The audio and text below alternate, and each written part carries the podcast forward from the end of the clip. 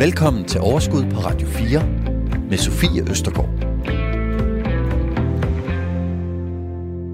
Grunden til, at øh, jeg laver det her program, hvor vi taler om investering og øh, privatøkonomi, det er simpelthen, at jeg synes, det er så utrolig vigtigt, at vi taler åben om det her emne, og at vi øh, fortæller om, hvad vi er gode til, og vi fortæller om, hvad vi... Øh, hvad, hvad vi lavede af fejl, og hvad vi gerne vil blive bedre til. Fordi der er så meget info, der er så meget viden, der går tabt, hvis vi ikke hjælper hinanden. Og så på den måde kan vi få flere og flere med på vognen. Så derfor så er det altid en stor fornøjelse at sidde her i studiet med mine gæster, som er med på, at vi skal snakke om tingene.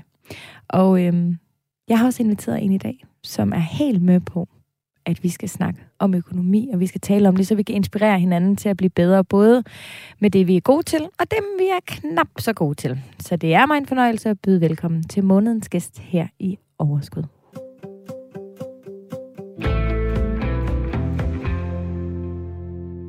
Og øh, det er det, Julie Jensen. Mm-hmm. Velkommen til. Mange tak. Iværksætter og forfatter og meget mere, tror ja, jeg. jeg har det sådan en lille bitte smule, som om, at det er også bare lidt kort ja, sagt. men jeg tror faktisk, øh, da du spurgte, hvad jeg skulle kaldes, ja. jeg ved det ikke. Nej. Jeg føler, jeg har for mange titler. Mm. Øhm, og jeg tror egentlig, hvis man måtte være sådan lidt flyvsk, skulle den bedste titel være, at jeg opfinder. Det er heller ikke et dumt ord. Nej. Opfinder. Mm. Jeg finder jo på mange mærkelige ting, føler jeg. Ja. ja. Jeg tror, det er, fordi jeg kan ikke definere min selvstændige erhvervsrolle. 100 procent. Og der er iværksætter selvfølgelig noget, der det dækker meget bredt, ikke? Det er også bare lidt brugt. Det er, det er lidt slidt, det ord. Det er, altså, det er lidt ødelagt, faktisk. Og jeg ved godt, ja. at fordi iværksætter er jo et reelt ord, og det er jo det, vi er. Ja. Men, men jeg synes også, det er blevet lidt misbrugt. Altså, det er sgu for nemt at kalde sig iværksætter. Ja. Lidt ligesom, at du kan også have tre følgere, og så er jeg er influencer. Ja. Altså, det er lidt ubeskyttet, brugt. Mm. Ja. Mm. Og måske er det også det er, der er også nogle associationer, som, hvor det er sådan lidt gråt og yeah. bokset. Og du, du er i hvert fald noget mere farverig og spraglende. Yeah. Der er i hvert fald kommet det. en lidt forkert kultur omkring det at være iværksætter, og det, man skal kunne, mm. og hvordan det helst skal se ud på overfladen. Ja. De lidt øh, tunge historier, alt det mørke, det kommer ikke op. Vi skal helst alle sammen bare være en succes, og det er ved Gud ikke virkeligheden. Præcis. Og det er jo derfor, at det er dejligt befriende, når man også tør at fortælle, øh, når det ikke går så godt. Så lad mig starte forfra. Det er Julie Jensen. Mhm. Velkommen mm. til. Mange tak. Opfinder. Ja. I like it. Godt. Ja, men det er fremragende. Jeg tror, øh, hele Danmark øh, efterhånden øh, ser bagdysten og ved jo udmærket godt, at øh, det var der, du ligesom startede yeah. øh, på en eller anden måde din rejse, og det vender vi tilbage til. Mm-hmm. Øhm, fordi du har jo virkelig formået at bruge øhm, det dengang, og på en eller anden måde ændre, ændre mm. din retning her i livet yeah. til noget helt andet, end hvad du var i gang med øh, inden. Og det, det skal vi høre meget mere om, fordi det er en virkelig øh, spændende historie. Men prøv lige at fortælle mig, hvordan, hvordan er det at være Ditte Julie for tiden? Øh, lige for tiden, sådan lige på stående fod, så er det lidt op ad bakke. Øh, Rent sådan privat, så står jeg i flytteråd og kaos. Jeg er blevet husejer. Jeg var, nu når vi snakker økonomi, rigtig træt af at bruge penge på en øh, husleje. Jeg følte lidt, at jeg skyllede mine penge ud i toilettet hver dag, jeg gik på toilettet. Sådan havde det faktisk. Øhm, så lige pt. ligger jeg i flyttekaos, og det hele er sådan lidt, mit hus er ved at blive renoveret. Jeg kan bo i min kælder. Der er ikke noget bad, der er ikke noget køkken. Jeg ved ikke, hvornår jeg får det. Det er lækkert. Erhvervsmæssigt, så synes jeg også godt, at jeg begynder at kunne mærke en form for slidhed. At det har været to meget uforudsigelige år med corona, og man har ikke rigtig kunne planlægge, og der er ikke noget, der er, som det plejer. Men hvordan har det været det for dig? Fordi jeg har siddet her og talt med Andreas Bo og med Søren Østergaard og med, med, med andre, som ligesom, du ved, de er vant til at optræde. De er sådan mm. meget afhængige af et live-publikum yeah. og sælge billetter. Det er du jo ikke på samme måde, fordi du driver jo, skal vi lige prøve også at runde det, så, så alle er helt med på, hvad, der, hvad du laver i dag. Du har udgivet et hav af kogebøger. Nummer 14 har lige set dagens lys, er det ikke sådan? Ja. ja og øh, du har en øh, webshop, du laver... Øh, hvad hedder sådan noget, kageruller og hvad kalder man bagudstyr. det? Bagudstyr. ja. Det her klart. opfinderen kommer ind i billedet. Det er det, ja. ja, så har jeg jo et, altså, et abonnementsforretning, som jeg ja. jo har skabt under corona. det var, det var en idé, men jeg føler ikke helt, vi danskere, vi helt er med på det der med at hoppe på abonnementsforretninger endnu. Vi er i hvert fald ikke lige så langt fremme, som i hverken USA eller Ja. Sverige. Ja. Og derfor så øh, følger jeg lidt, at corona tvang mig til det. Der er jo rigtig mange, der tænker, hold op, det, det må være nemt i det. Alle bager. Mm. Øh, det er jo nemt nok for dig, i og med, at du ikke er vant til live publikum og alle de her ting. Ja. Men da corona brød ud, der det år havde jeg faktisk sådan bremset kageverdenen en lille smule, og havde sådan et behov for, at det skulle være et år, hvor jeg skulle ud blandt folk. Holde kurser igen, holde foredrag Mm. igen. Alt det kan man jo så sige blev annulleret, men der lå jo også en skræk i folk, så man vidste ikke helt, om man turde bruge penge. Så selvom at folk bagte, så købte de jo kun råvarer, de købte ikke udstyr. Og alle vores fabrikker lukkede ned, hvor jeg producerer alle mine ting ud om i verden. Jeg har øh, min største fabrik ligger i Venedig, som er i Italien. De var hårdest ramt sammen med Kina, og der har jeg også en fabrik ude, så det var rigtig hård start. Og øh, derudover, så ligesom alle andre nu her, når vi får fragtet ting hjem på skibe, så strander de derude, de lander i Hamburg, man ved aldrig, hvornår man får sine produkter. Alting stiger.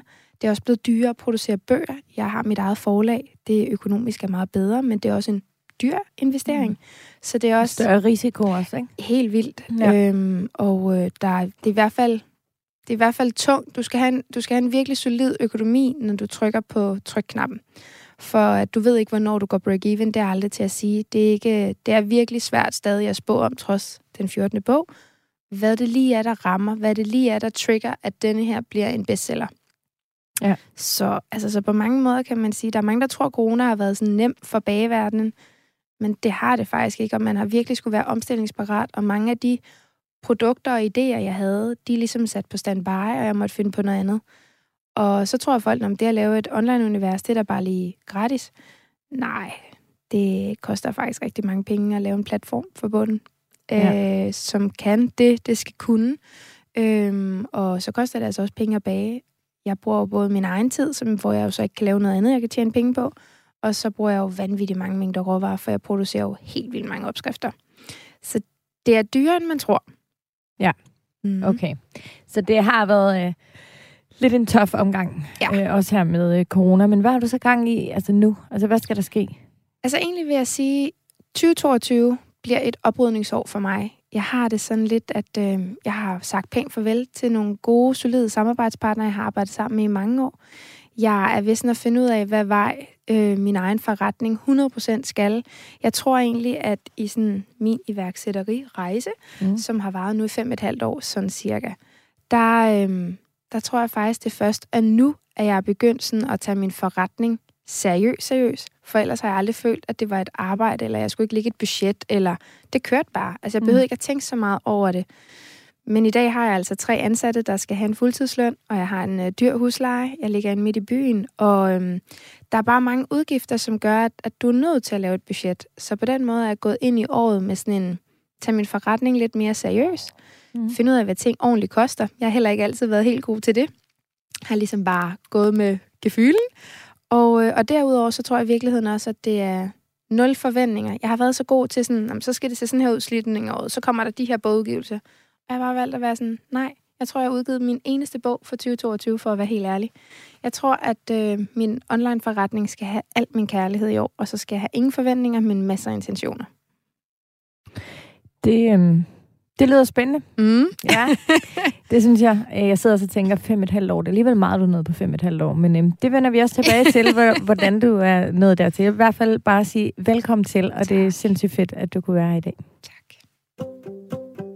Du lytter til Overskud på Radio 4. Dagens gæst er forfatter og iværksætter Ditte Julie Jensen.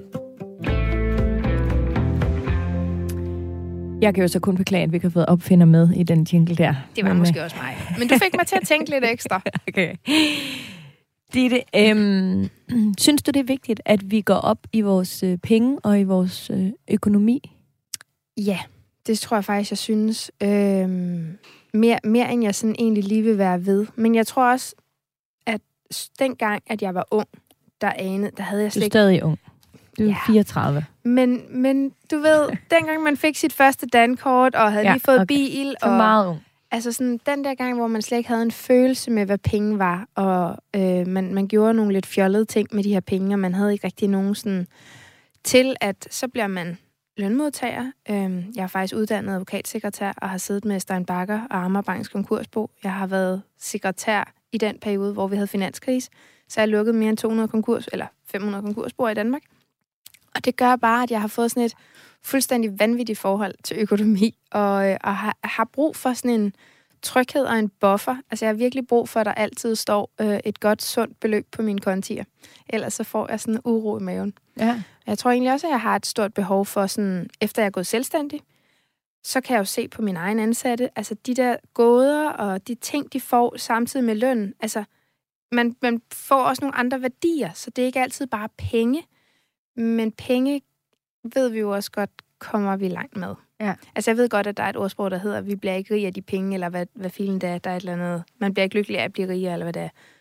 Men man bliver jo heller ikke ulykkelig Mm. af at få nogle penge, som gør, at man har en frihed. Den der frihed, men det er jo så individuelt per menneske. Ja. Hvor meget er en frihed i økonomi? Hvornår føler man sig økonomisk uafhængig? Ja. Det er jo meget individuelt. Det er mere den frihed på en eller anden måde, der Mm. kommer med økonomien. Sådan er det i Mm. hvert fald for mig. Og Ja. den tryghed, der kommer med, Ja. at jeg har, der er styr på det. Ja. Det betyder ikke, at jeg skal have råd til helt vildt meget, eller jeg skal Nej. have super mange penge. Men jeg ved der ikke, jeg har, hvis der kommer noget uforudset. Mm. Det, det gør altså... Det, det skaber gør en ro. Ja, ikke? Mm. Sådan har jeg det i hvert fald. Men hvor meget tid bruger du på at styre din egen økonomi? Lægger du budgetter for din... altså nu talte du lige om, at virksomheden, Mm. der skal lægges noget budgetter. Der skal Ja. være mere øh, styr på den del nu. ja. Men hvad med i dit privatliv? Jeg tror, at den Ditte, jeg ligesom var, før jeg var selvstændig, hun var ekstremt struktureret. Altså, jeg styr på alt. Jeg kunne aldrig glemme en fødselsdag, der var ingenting. Jeg er nok blevet lidt mere distræt af at være blevet selvstændig. Er du det? det, det slår, du slår mig ikke som sådan super distræt. Nej, men, men der er bare, altså, der er prioriteringer, og min tid er bare forsvundet ind i Mm. firmaet. Øh, tingene smelter sammen, så jeg har nok forsømt min egen privatøkonomi, og kigger bare pænt på kontoen og siger, at det er det her beløb, der skal over, bum. Og så kigger jeg ikke så meget mere på det. Og det kan jeg godt mærke, at det, det dur ikke. Så det har jeg lavet om på nu her, og har faktisk så sent som i går eftermiddag siddet og lavet budgetter, både privat og firmamæssigt. Mm-hmm. Mm-hmm. Og hvordan har det så set ud øh, slutningen på måneden? Altså har der så været et minus, hvor du har fået brugt mere end det, du lige havde på kontoen, eller har du alligevel været god nok til at sige, okay, men så... Nej, altså jeg, jeg, jeg kører ikke med minus. Det, det kan jeg ikke. Altså, det gjorde jeg engang. Dengang jeg var meget ung, som du siger. øhm, jeg har det faktisk bedst med, at der hele tiden lige er lidt overskud. Der skal hele tiden lige være lidt plus. Men er det så, fordi du bruger mindre, eller er det, fordi du øh, udbetaler mere løn til dig selv? Jeg tror, jeg udbetaler mere løn til mig selv. Øh, og det er egentlig mest, fordi jeg kan virkelig... Altså, om det er en materialistisk ting, eller om det er en eller anden lille oplevelse. Jeg har ikke lyst til, hvis min veninde spørger mig, Ditte, jeg vil vildt gerne besøge den her restaurant på torsdag, vil du ikke med? Så bare følelsen af, åh, vel, jeg skal lige kigge på kontoen. Altså, den, dengang man havde det sådan, det, det brød jeg mig ikke om. Så vil jeg hellere bare være sådan, ja, det vil jeg gerne. Altså, så det der med, at der hele tiden er lidt plus, så jeg har en frihed Ja.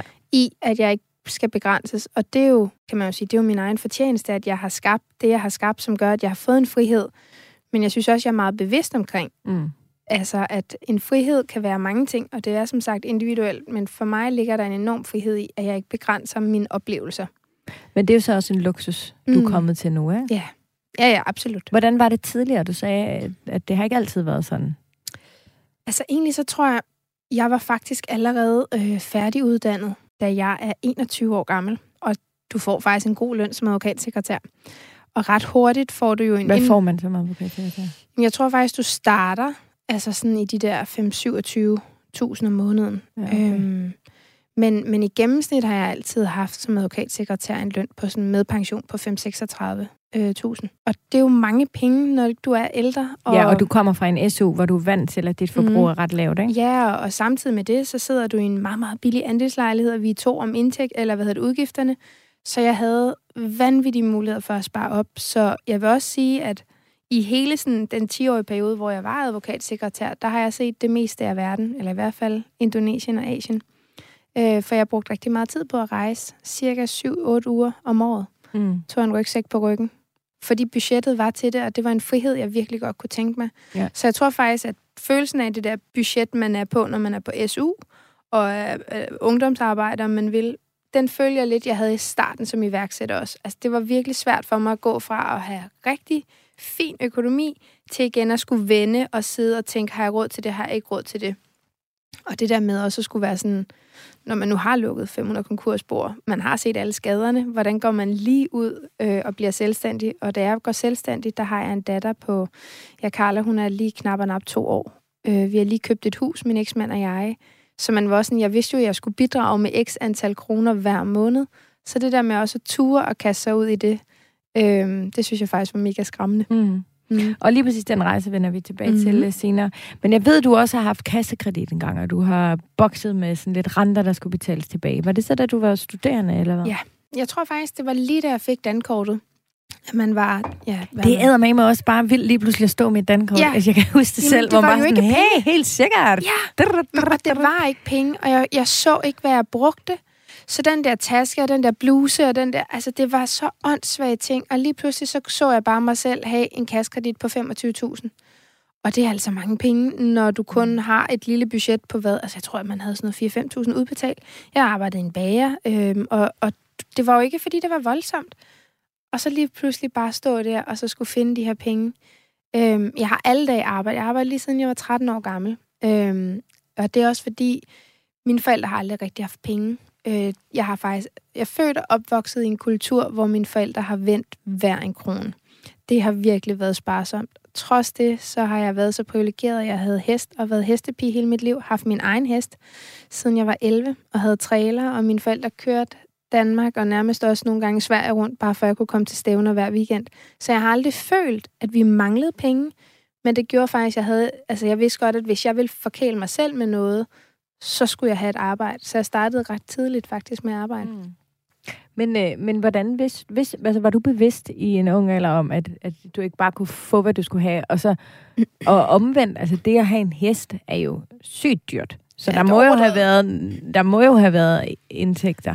Ja, og altså, altså det var virkelig sådan, øhm, jeg husker i hvert fald min barndom, som er, da Buffalo kom, lige, altså nærmest på dagen, hvor det går imod, der får jeg min første Buffalo. Altså, jeg var altid behind på alt. Øhm, og det vidner jo om, at mine forældre havde ikke de penge til hele tiden at forkæle med et eller andet. Eller så havde de også lyst til, at du ikke bare skulle have alt. kan det også være sådan nogle tanker, de havde? Nej, det tror jeg faktisk ikke. Nej. Altså, fordi jeg tror egentlig, at min mor virkelig gerne ville altså, give mig... Det var slet ikke det. Men når jeg så i dag sidder og tænker, jeg fik jo alt. Jeg havde jo en hest. Mm. Så skide der hul i et par Buffalo-sko. Ja. Men, men jeg havde en hest, og jeg var meget bevidst om, dengang, det er jo 20 år siden, at der kostede det altså 6.000, det er mange penge, hver måned for mine forældre at have den her hest for mig. Øhm, så jeg vidste jo godt, at alle, alle kroner, der var, alt overskud, der var, det gik til hesten. Har du talt med din mor om det i dag? Altså sådan... Ja. Er, hun, øh, er det også den, altså fordi nogle gange kan vi godt have et billede. Jeg kan huske en gang, jeg lavede meget gymnastik, da jeg var barn, og en dag, der skulle jeg, vi rejste hele tiden, og vi skulle altid, hver weekend var vi på turné rundt omkring alle mulige steder. Og jeg kan huske en gang, hvor de så havde, øh, min far han afleverede mig, og så havde de sådan glemt, at jeg skulle have lommepenge med. Og så måtte min far sådan stå og tømme sin punkt for kontanter. Oh. Og det var jo sådan noget, øh, alle mønter og sådan noget. og hele den der weekend, jeg havde så dårlig samvittighed, fordi yeah. nu havde jeg brugt min fars sidste penge. Ja. Altså, det var den følelse, ja. jeg havde der. Så, og det kan jeg jo godt se i dag, det var det ikke. Det var bare, fordi han var super utjekket og ikke havde fået ja. det arrangeret, så derfor måtte han lige tømme sin punkt, og han havde, kunne jo tage i banken og hæve, eller hvad ved ja. jeg. Men den der børneforståelse af sin mm. forældres økonomi, mm. den kan godt være lidt anderledes, end når vi nu, flere år efter, mm. tænker tilbage på den. Altså, jeg tror egentlig ikke, at dengang jeg var helt lille, at jeg forstod den alvor, det faktisk var i vores familie, og den måde, min mor og far prioriterede deres penge på jeg har altid fået at vide, det har vi ikke råd til, det har vi ikke råd til. Men jeg forstod det ikke helt. Men i dag, øh, i min voksne år, har jeg snakket meget med min mor om det. Og så sent som i sommer, da vi var ude at rejse sammen, der sagde min mor, Ditte, man kan godt mærke, at du er et andet sted med penge, også i forhold til dine børn. Altså i forhold til, hvad vi kunne give dig. Jeg ved også godt, at tiden har ændret sig, men det er virkelig skægt at se, altså, fordi du kommer faktisk fra et hjem, hvor der ingen penge var, mm. til at du faktisk har skabt dig selv et liv, som gør, at du kan det, du kan i dag. Det er meget imponerende, synes min mor i hvert fald. Men du har nok også lært noget om prioriteringer, for dine forældre har jo prioriteret den hest benhårdt. Og så er der jo andre ting, som de så på vegne af dig har sagt, men det kan ikke lade sig gøre. 100 procent. Ja. Du lytter til Radio 4. Lad os lige spole tiden tilbage. Ja. 2015. Ja. Ja, det var et ret, øh, jeg ved ikke, banebrydende eller skilsættende år Uh, for dig. hvis vi nu kan man ikke sige sådan? Bage. Bage. Det var et bagebrydende år for dig. Det var det faktisk. Det var det. Er det ikke rigtigt? Du var med i den øh, store bagdyst. Ja. Det gik jo øh, ganske fint. Du vandt ikke. Nej. Nej, men øh, du er nok en af dem, når man ser på his, historikken, og med alle dem, der efterhånden har været igennem den mølle Ja. på DR, som har fået mest ud af at være med. Er det Ja. ikke rigtigt? Synes det ikke tror det? jeg faktisk, du har ret i. Ja. Du var advokatsekretær for en idé om, at du skulle være med i bagdysten. Jeg får den faktisk ikke. Mine kolleger på advokatkontoret tvinger mig til at melde mig. Jeg føl, altså, det, hele min bage, øh, meget, meget kort, for det er jo slet ikke det, programmet handler om, men det kom så af, at min datter aldrig sov. Så hvis jeg skulle have noget frihed, og jeg ammede rigtig meget, så hvis jeg skulle bare have lidt frihed, så skulle jeg gå de der 4 meter ud i køkkenet og bage. Og så begyndte jeg at bage der, så jeg har kun bagt i de 8 år, for det er det, min datter er i dag. Øhm, så da mine kolleger ligesom tvinger mig til at melde mig til bagdysten, der er jeg på et niveau, hvor jeg kan lave en super lækker, klassisk øh, cookie, og så kan jeg lave en cupcake med en skilt hundlort på toppen. Altså, det er sådan basically der, vi er. Jeg klatter lidt rundt, og når jeg kigger tilbage på billeder, altså, det er en cheesecake, der overhovedet ikke har set et snit med lidt øh, tilfældig krømmel på toppen, da jeg melder mig til bagdysten. Og det var... Og jeg tror også, det er lidt det, mange de ved jo egentlig faktisk ikke. Nej, At der, der er jo en del af det, altså... Ja. Det er der jo. Det er er jo 100. personligheder, det er, det er et underholdningsprogram. Også, ja, ikke? Ja. Det er jo ikke de dygtigste Nej. pro- øh, amatørbærere, Nej, når og de plus- starter, men så øver de sig jo også, ikke? Jamen, plus også, at, at det, der er jo også er vigtigt at sige, det er jo, mm. du skal jo så både være kvinde, mand, der skal være det og det og det, for den og den verdensdel, skulle jeg til at sige. Mm. Altså, vi skal virkelig passe sammen. Ja. Så, men mine kolleger, de beder mig pænt om at ansøge, og til sidst så fik jeg simpelthen så meget øh, pres af at høre på dem, at jeg tænkte, godt, I får fred, eller I får ret, og jeg får fred. Jeg laver den her ansøgning, og så snakker vi ikke mere om det. Men det så, gjorde de så. Så røg jeg sgu hele vejen. Og så mistede de jo så også deres kollega, så det var jo vel Ja. også ris til egen røv øh, i sidste Det ende. kan man sige, det kan man sige. Men du er så med, og du vælger så at øhm, sige øh, op øh, Mhm. som advokatsekretær Mm. og gå, øhm, gå selvstændig. Ja. Og det kunne jeg godt tænke mig, at du lige satte lidt ord på. Fordi Mhm. du har selv sagt en gennemsnitlig løn på omkring de 5-36.000 Mm. om måneden. Øhm, øh, formentlig fast arbejde. Det var jo, der har jo, havde jo været masser at lave. Du har lukket over 500 konkursspor. Øhm, hvordan turde du? Altså, og du har bagt i, på det tidspunkt må det jo være cirka tre Ja. år, eller sådan noget, ikke? Carla er omkring tre år. Mm. At tage springet som selvstændig ud i en verden, hvor ja. der er utrolig mange andre allerede, Mm. men at tro på dig selv. Altså, Det var faktisk det, programmet gav mig. Der er jo rigtig mange, der sådan efterfølgende har sagt, nej, hvor har det program gjort meget godt for dig? Hvor sådan, nej, programmet har ikke hjulpet mig til den karriere, men det programmet gav mig, det gav mig oprigtigt troen på egne evner. Altså, jeg voksede virkelig i den tro, og det gav mig en ekstrem lyst til, at jeg kunne mærke, at hele den ægte udgave af mig, den kreative udgave af mig, havde jeg undermineret i mange, mange år som advokatsekretær, og har haft lidt svært ved at passe ind. Men når man nu sidder og er helt hjerneskadet af at lukke så mange konkursbord og se så mange inkassosager, så var jeg også sådan, mm, jeg kan jo ikke gå selvstændig. Altså, jeg, det kræver jo minimum et beløb. Og så, øh, så kom jeg nok frem til den bedste beslutning, at det var at lave en baby mere. Så jeg laver... de koster, dem får man en masse af penge til. De er jo gratis at lave. øhm, jeg beslutter mig... Det er for- de faktisk at lave. Ja, det er de. og så derfra er det også op ad bakke. øhm, nej, jeg beslutter mig faktisk for at, at lave en baby. Så jeg, øhm, jeg forhører mig derhjemme på det her tidspunkt øh, med min eksmand, om øh, ikke det var på tide øh, lave en mere. Og så, øh, når, han, når jeg gik på barsel med ham, så kunne jeg jo gå og regne ud, hvordan min virksomhed skulle se ud. Og så var han sådan lidt, jo jo, det gør vi bare, det passer jo meget fint ind i programmet.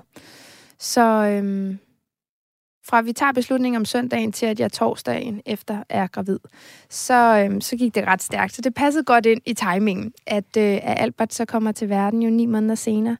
Og i de her ni måneder har jeg jo så arbejdet, og der har jeg jo så lagt min løn fuldstændig 100% til side efter at have betalt mine omkostninger. Og virkelig gået ned på et skrabet budget for simpelthen at have råd til at kunne bidrage med noget løn. Øhm, og så går jeg jo på barsel og øh, siger faktisk mit job op med det samme. og så går jeg på deltidsbarsel og går sådan lidt ned, øhm, og har lige lidt hjælp de første par måneder. Men altså, da Albert er fire dage gammel, der går min mor rundt på Frederiksberg Allé og kommer op, når han skal ammes, og jeg står og er ved at lave min første solo kogebog. Så det gik, altså det er jo ikke fordi, det er sådan, åh, oh, blomsterhistorie, det gik bare hurtigt, øh, men, men det, det var bare, for mig at se, tror jeg, at jeg havde der været på barsel med Carla, og min barsel med Albert er blevet sådan helt symbol på en tid, jeg bare synes er fuldstændig magisk. Han har været med til alle møder. Han har også nogle gange, tror jeg, været skyldig, at jeg har fået et ja ved et møde, fordi han har lige charmet sig ind. Det var ligesom en icebreaker, hver gang jeg kom ind ad døren. Med den her lille, glade, smilende klump. Hvad startede du ud med? Altså, hvilken virksomhedsstruktur? Var det et enkeltmandsvirksomhed? Ja, jeg startede ud med en enkeltmandsvirksomhed, og har faktisk beholdt min enkeltmandsvirksomhed stadig. Og for to år siden stiftede jeg et APS og et holding. Okay. Øhm, men man kan sige, det er jo det er jo ikke lige frem, fordi det er risikofrit at starte en enkeltmandsvirksomhed, men fordi du hæfter jo personligt for alt, hvad du foretager dig. Men også dengang, der kostede det jo 50.000 og 100.000 at starte et APS eller et AS. I dag mm. koster det jo ikke mere end 25.000 mm. at stifte et APS. Øhm, så derfor så, jeg havde bare ikke, altså jeg havde simpelthen ikke det budget til at gøre mig selv risikofri, og jeg tror også, at dengang jeg gik selvstændig, der havde jeg ikke en ambition om, at jeg ville stå her i dag og være opfinder til en bageserie på 200 produkter, der ligger i 200 butikker landet over, og have skabt så mange kogebøger, og have tre fuldtidsansatte, og en husleje, og mm. bo i Bredgade. Men jeg vil bare gerne bage. Så det var mere den der... Jeg var mere hende, der gik ud og bankede på ved alle mulige firmaer, som Dansukker, Valsemøllen og alle mulige forskellige fødevarevirksomheder, og sagde, Dag, jeg hedder Ditte, prøv at høre, hvor fed jeg er. Jeg vil gerne bage en masse opskrifter til jer, og så få et lille honorar for ligesom at dyrke min hobby. Men der gik faktisk ikke ret lang tid fra den der sådan progressive øh, canvas-salg, jeg var ude at lave everyday, til at det bare ikke var mig. Jeg kunne mærke, jeg vil ikke, jeg vil ikke tabe ind i andres. Jeg vil virkelig gerne være mig. Mm. Og det gjorde, at, øh, at jeg begyndte at tænke idéer i bøger selv, faktisk. Ja. Øhm, og fik nej af seks forlag, før et lille bitte, bitte, bitte, bitte forlag sagde ja og ville lave den første bog, som hedder Tid til kage.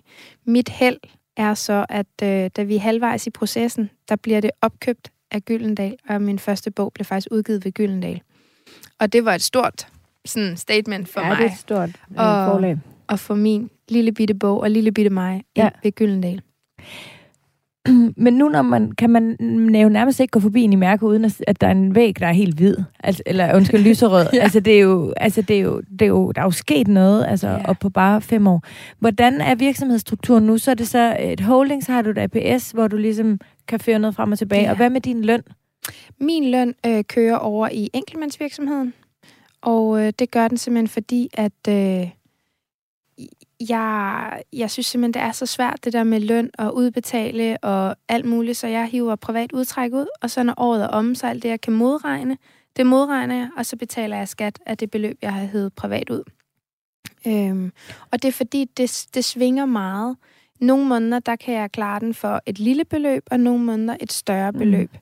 Mm. Øhm, så derfor så har det været sådan svært for mig at definere, for jeg har faktisk de første tre år, gav jeg slet ikke mig selv løn øh, der lavede jeg et lille privat udtræk på 10.000 hver måned, så jeg kunne betale mine udgifter. Ja. Øhm, så det er faktisk først altså sådan nu, at jeg er begyndt sådan at have en fast udbetaling hver måned. Okay. Og så din ansatte, det ligger så i APS? Ja. ja.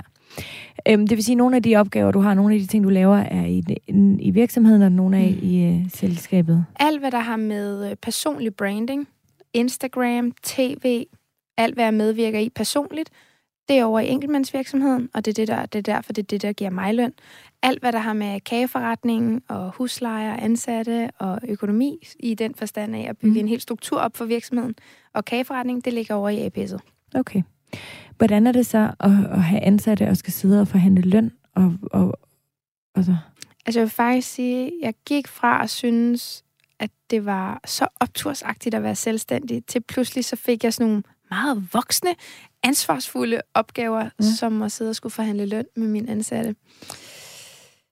Øh, jeg får næsten lyst til at fortælle den sjoveste historie, for det siger også, at jeg er meget tæt med min ansatte. Jeg har virkelig prøvet at skabe en arbejdsplads, hvor det er ikke fordi, vi leger veninder, men jeg har brug for, at alt er tilladt, og vi bare er os selv, og bare er, som vi er. Og hvis man vil være fri, så skal man være fri. Man skal ikke gå og have ondt i maven og, uh, nu skal jeg spørge om fri. Man skal bare... Men øhm, jeg meldte ligesom klart ud til at starte med over for mine ansatte, at jeg havde kun den her løn. Jeg har været lidt øhm, grov og være meget bevidst omkring, at min virksomhed, fordi den er så meget oppe i mit hoved, har været svært for andre at tage ind i, og det er også svært for mig at give løn til at starte med, for folk skal lige lære den at kende. Så alle mine ansatte gennem tiden har alle haft en tre måneders, øh, hvad kan man sige, praktikperiode, og så er de faktisk alle sammen blevet fastansat bagefter. Øh, men det har ligesom taget noget tid at lære forretning at kende, og jeg skulle lige finde ud af, hvad de var værd, og hvordan man kunne gøre det. Men da jeg så ligesom startede med at fortælle dem, prøv at, I har, jeg har det her gear. Det er det, jeg kan give.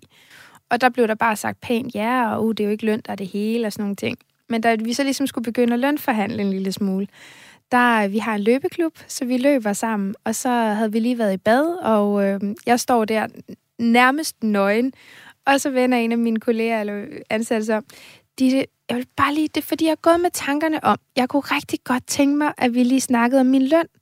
Og så står jeg bare fuldstændig blottet og nøgen, og er bare sådan, ja, det er et skide godt tidspunkt, lad os tage det. Og det vidner også bare om, at det er så svært et emne, fordi hun har bare ikke vidst, hun har gået Super med den her ind i. Ja, ja. Hun har simpelthen ikke vidst, hvornår hun skulle sige det, og nu er hun bare sådan, nu er jeg alene med dig, ja. nu siger jeg det lige. og der stod vi bare i en mega akavet situation. Heldigvis så grinede vi helt vildt meget, og var sådan, den tager vi lige.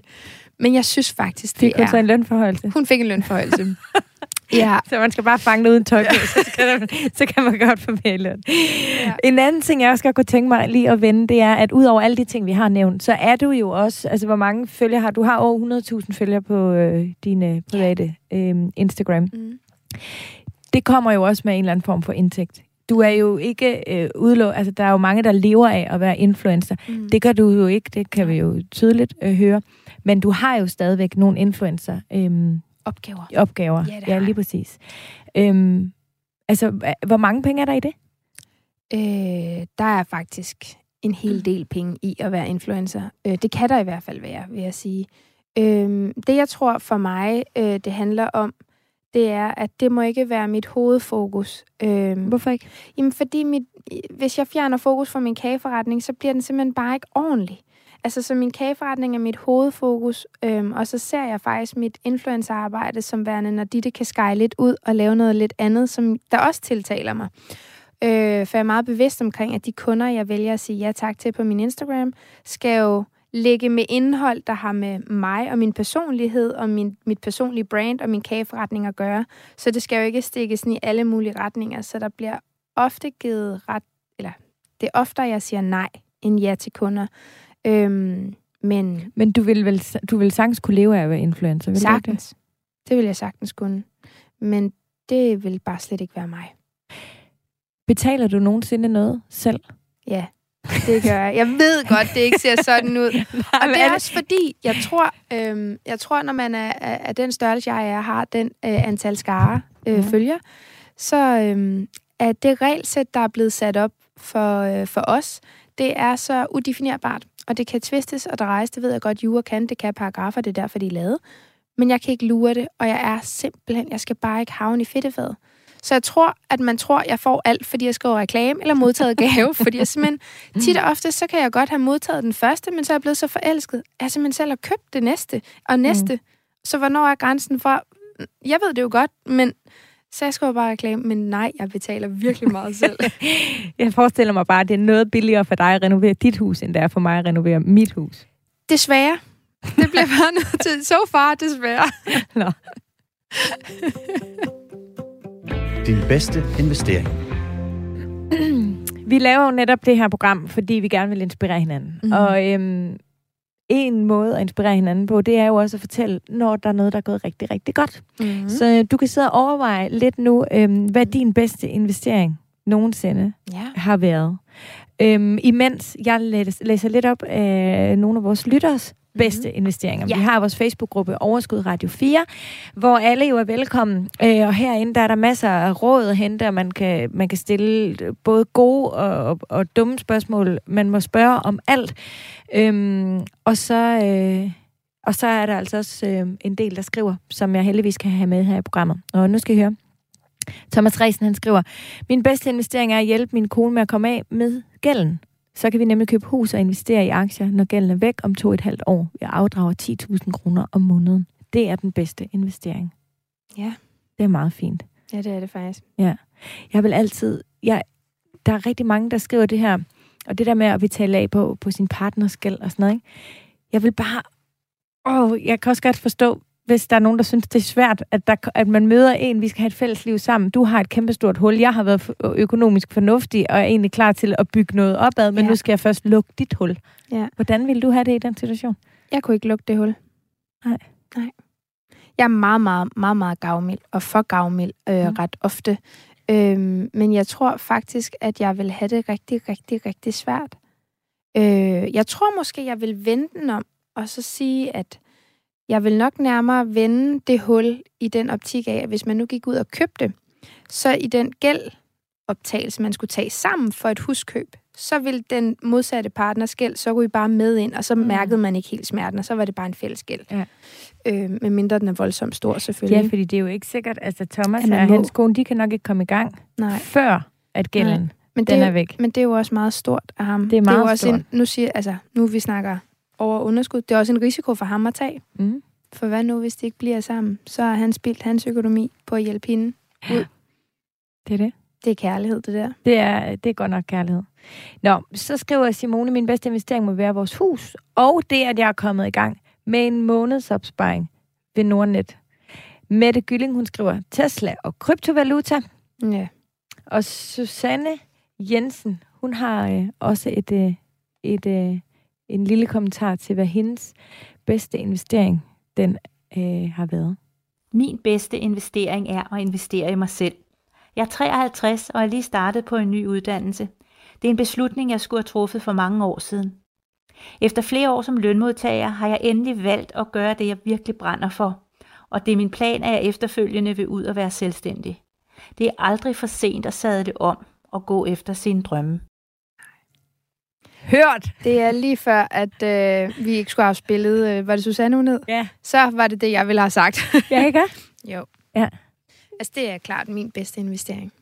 Det, øh, jeg, jeg blev også simpelthen så glad, da jeg hørte uh, Susannes ja. øhm, bedste investering her, og den har hun øh, ringet ind til os på 25 44 19 44, som er vores overskudslinje.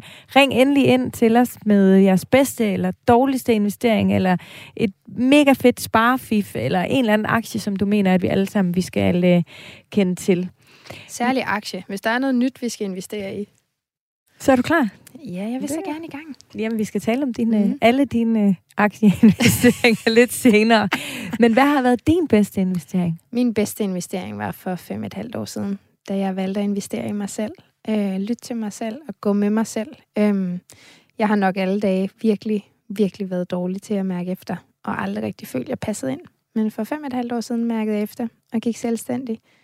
Og det har været den vildeste rejse, både personligt, men også erhvervsmæssigt, og jeg har lært så meget om mig selv, og jeg har lært så meget, at jeg faktisk vil sige, det har jo skabt min næste bedste investering til dato, og det er jo det hus, jeg lige har købt. Hvor er det fint. Så der er Susanne, I, uh, I er med i, uh, oh, yes. i den samme klub der. Ja. Du lytter til Overskud på Radio 4. Dagens gæst er forfatter og iværksætter Ditte Julie Jensen.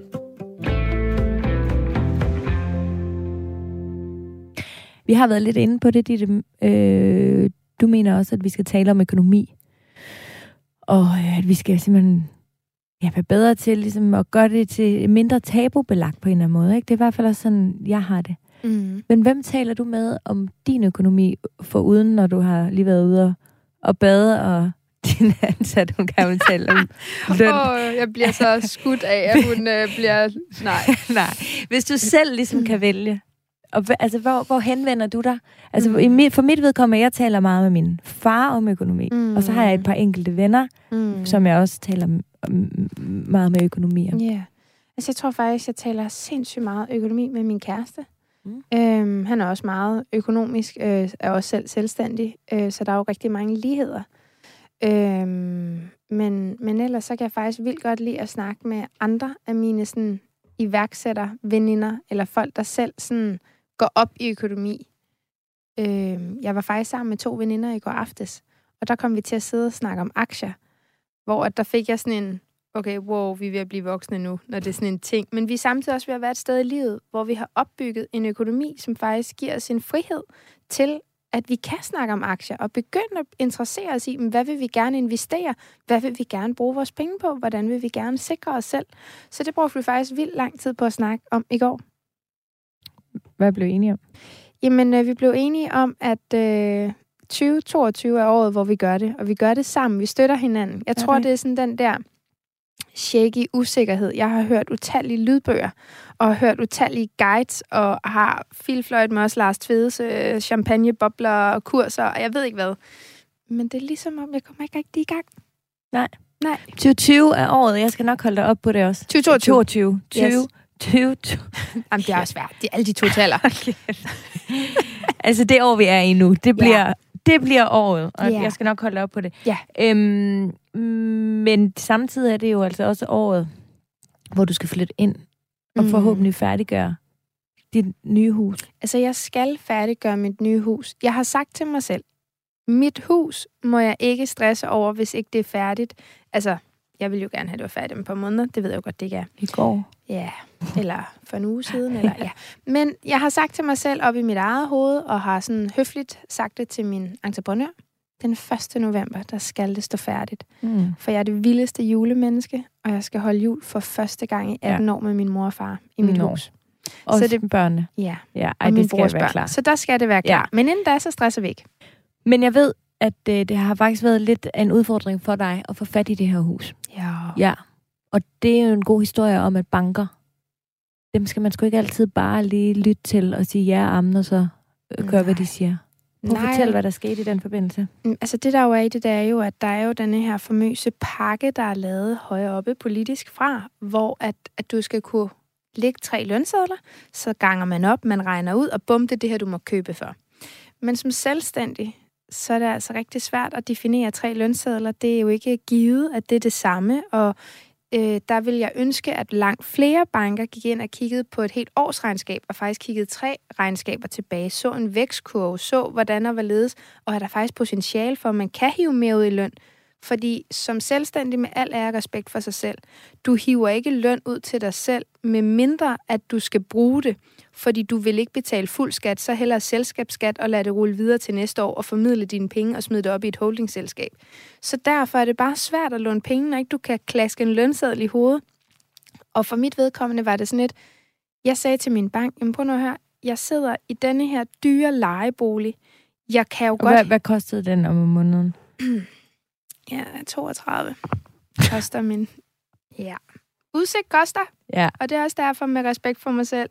Det, det kan jeg bare ikke. Nej. Og jeg kunne allerede mærke det faktisk efter et halvt år, men man Ja. kunne først flytte efter et år. Ja. Øhm, men, men der er sådan mange ting i hele den del af, at jeg sådan, du kan jo se, at jeg godt kan hive det her ud til mig selv, hvis det er det. Men jeg ønsker jo ikke at gøre det, for jeg ønsker jo ikke at skulle beskattes af de penge, jeg hiver ud. Jeg vil jo hellere lade dem blive i min virksomhed. Det er dem, jeg har brug for at sunde. For det er dem, jeg lever igennem.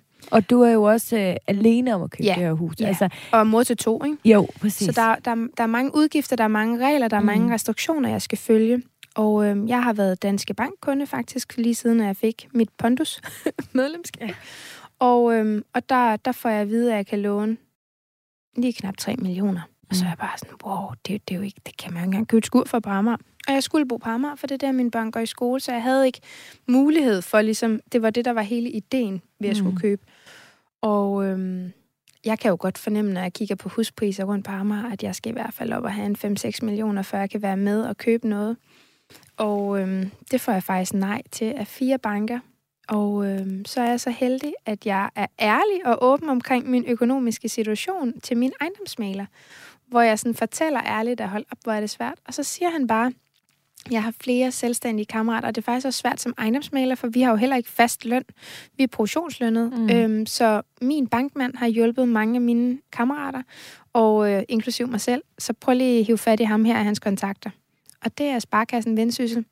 Og så delte jeg det faktisk på Instagram. Ikke så detaljeret som her, men jeg delte bare det der med, hvor svært det var, og jeg var dybt taknemmelig for, at Sparkassen Vendsyssel troede på mig og mine virksomheder mm. til, at jeg måtte låne til det her hus. Og det er virkelig, altså det har været seks måneder, hvor jeg bare virkelig har sådan virkelig ikke vidste, hvordan det Men den sidste måned, hvor jeg havde fundet huset, og havde faktisk også bedt om en købsaftale, og den blev forlænget, og det var virkelig skrækkeligt. Det var altså i 11. time, at jeg fik ja. godkendelse Ja, fordi det er jo ikke sådan, de ligger i fire år og venter på at finde en køber nej, nej, husene nej, for tiden. nej. Altså. Altså, de forsvandt jo så hurtigt, ja. så jeg var også sådan, jeg er nødt til at arbejde virkelig hurtigt. Mm. Øh, og det gjorde banken også. Det vil, jeg vil mene, at banken har arbejdet langt hurtigere, end hvad de normalt gør. Men, øh, men der, altså, da jeg så delte det på Instagram, så fik jeg bare sådan en lavine tilbage af folk, hvor sådan, hvis du er selvstændig eller for nej af en bank, altså alle har bare sparkassen vendsyssel, når det kommer til at tro på mere end bare en lønseddel. Det er helt vildt. Men det er jo så også en lidt anderledes bank. Du, du investerer jo selv i banken, så du skal jo også købe lidt aktier ind i banken, og få, du fordeler overskud. Og der er sådan, det er sådan et fællesskab på en Nå. anden måde. Ja, Så, Øhm. så du har købt øh, det skulle jeg. i... Det skulle jeg. Jeg skulle ja. gerne investere. Så man, man smed øh, 25.000 øh, per selskab i, i aktier i virksomheden, for så får man sådan en rul hvert år. Så det tænker jeg, nå ja, why not? Hvis du giver mig et kæmpe ja til at få mit hus. Så ligger jeg gerne. Så din virksomhed har købt...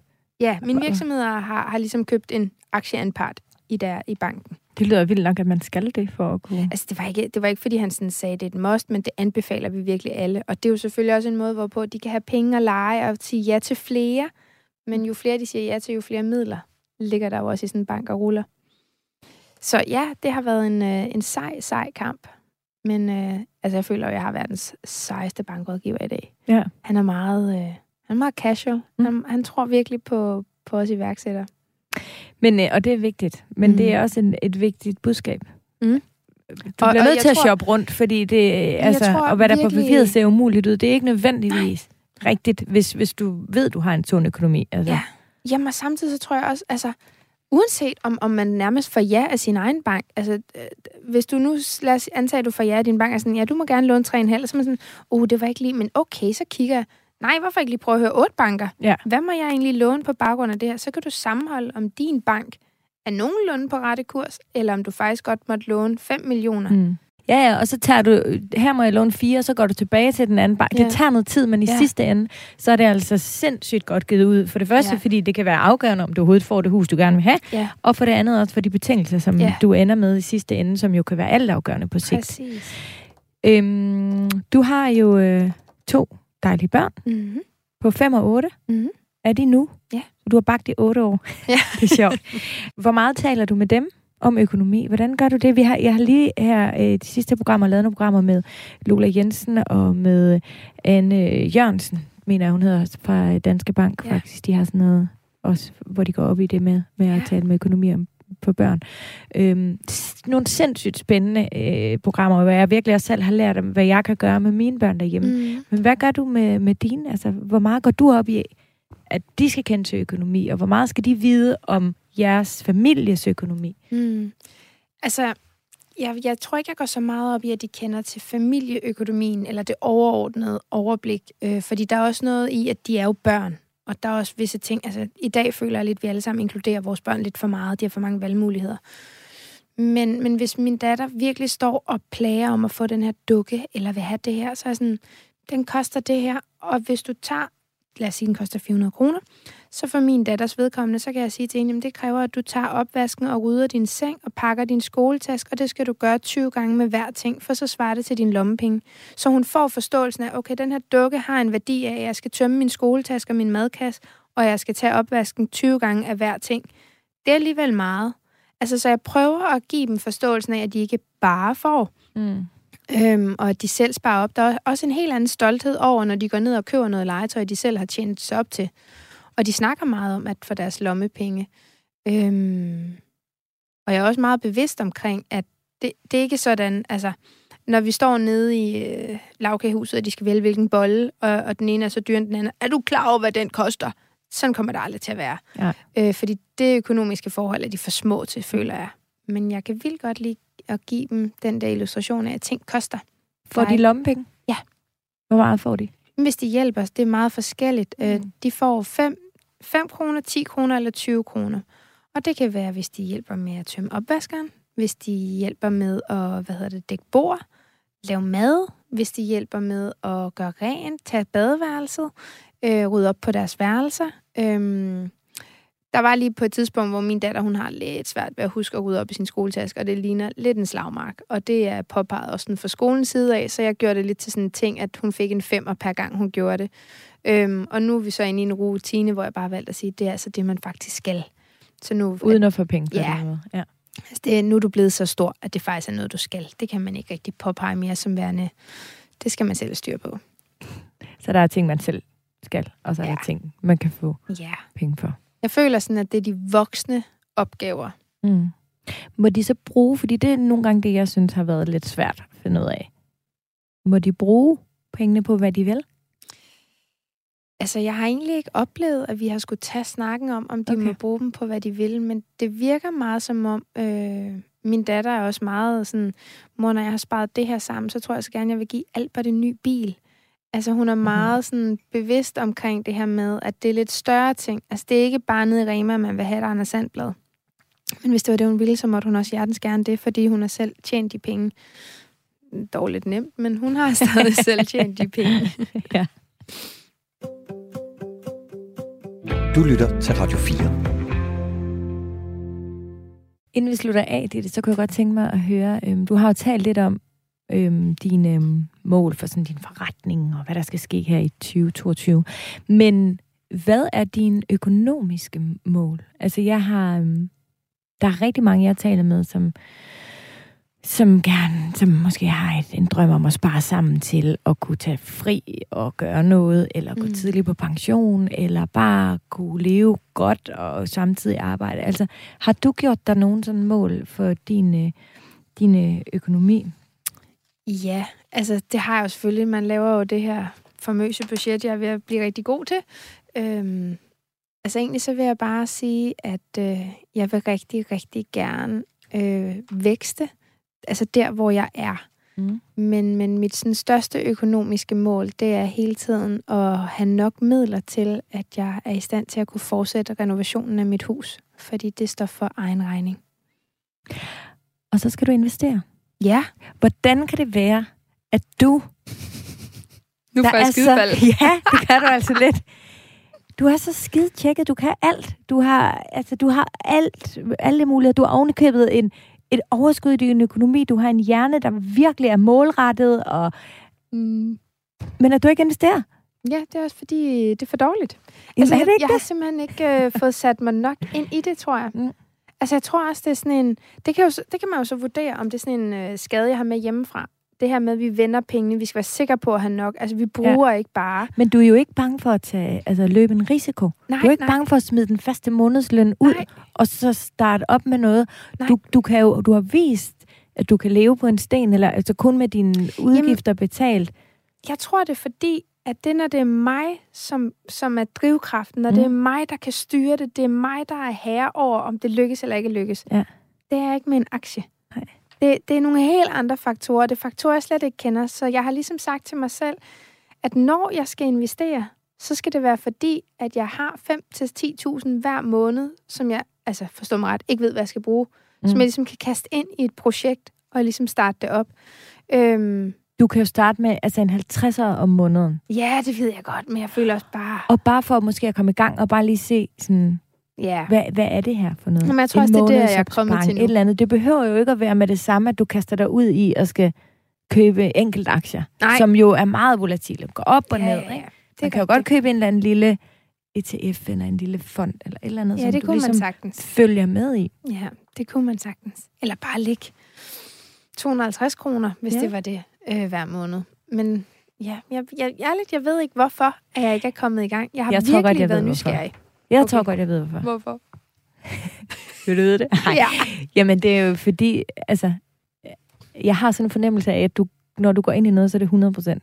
Ja. Og du har, ikke, du har ikke haft tiden til at sætte dig 100 procent ind i det. Nej, det har jeg nok ikke. Men jeg vil bare sige, at det er også ærgerligt at vente til den dag opstår. Fordi du bliver jo ved med at få alle mulige andre nye idéer, som ja, ja, ja. tænder dig mere end altså en aktie og investering.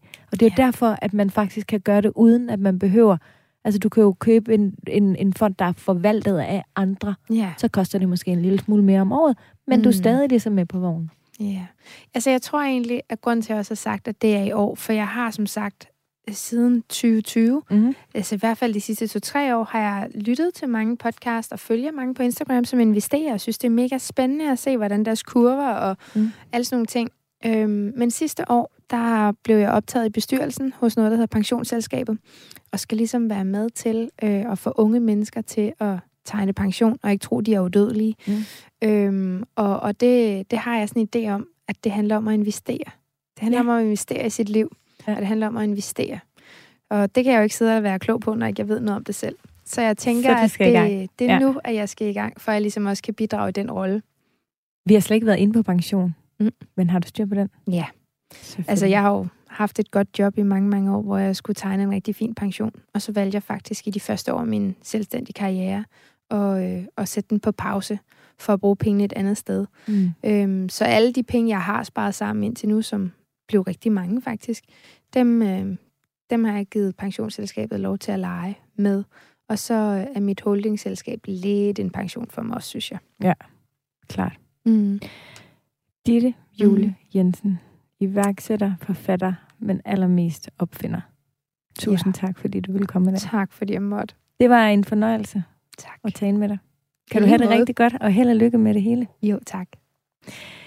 Husk, at øh, du altid er meget velkommen til at skrive til mig, enten på mailen, der hedder overskudsnabelag Radio 4. Du kan også ringe til vores overskudslinje på 25 44 19 44.